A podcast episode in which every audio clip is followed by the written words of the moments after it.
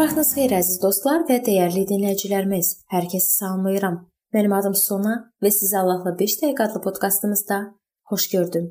Bu gün biz gündəlik həyatda sülhsevərlik mövzusunu araşdırmağa davam eləyirik.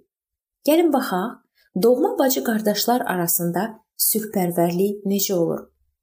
Müqəddəs kitabda bacı qardaşlar arasında harmonik həyat barədə nümunələr gətirilir. Məryəm, Harun və Musa Bir dəfə kiçik qardaşının ünvanına səslənmiş tənqidi çıxmaq şərti ilə daim sülh içərisində yaşamışdılar. Məryəm, Marta, Lazar bir-biri ilə çox vaxt harmoniyada yaşamışdılar. Onlardan başqa Yaqub və Yəhya, Peter və Andrey də bir-biri ilə dil tapıb yaşayırdılar. Amma müqəddəs kitabda qəzəblənərək qardaşı Habili öldürən Qabil nümunəsi də var. Kədərli olan digər nümunələr də var.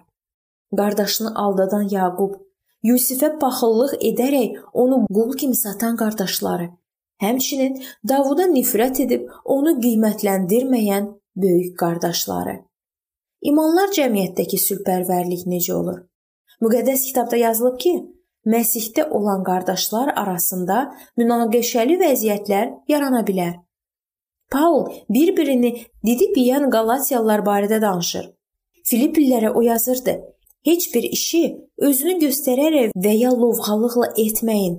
Qoy hər biriniz itaatkarlıqda digərini özündən üstün saysın. Filippillərə 2:3.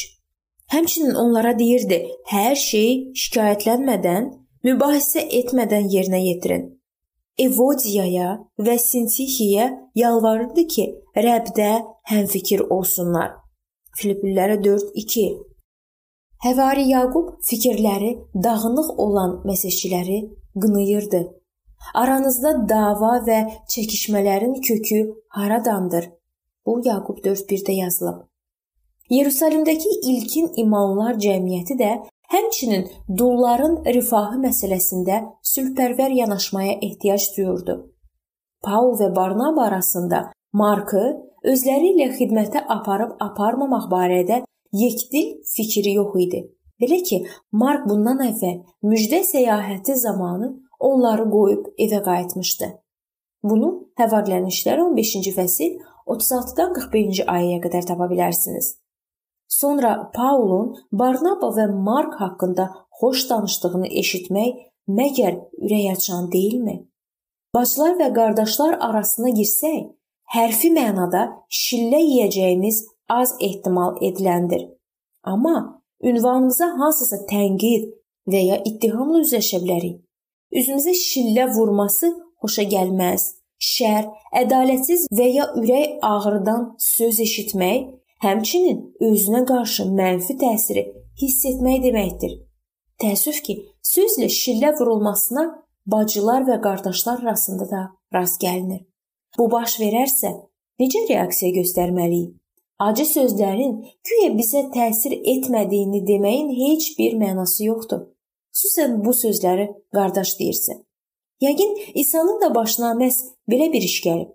Amma o buna cavab olaraq sevgi, müqavimət göstərməmə və bağışlanma nümayiş etdirdi. Biz də eyni addım atmalıyıq. Müqəddəs kitabda bizi incidəcəkləri halda necə hərəkət etməli olduğumuz barədə tövsiyə var. Müqavimət göstərməmə heç bir halda Məsihin Matta 18-ci fəsil 15-17-ci ayələrdə verilən sözlərinə əməl etmək barədə vəzifəmizi aradan qaldırmır.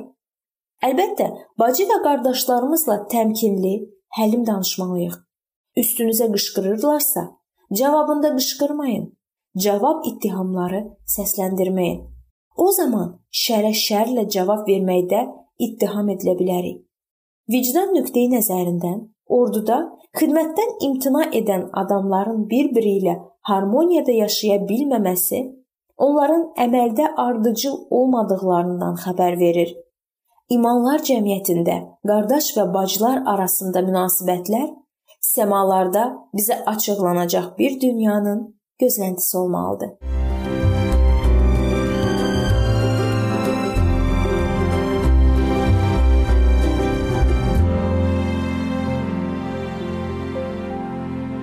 Belə Beləliklə əziz dostlar, bu yerdə bu mövzu sona çatdı.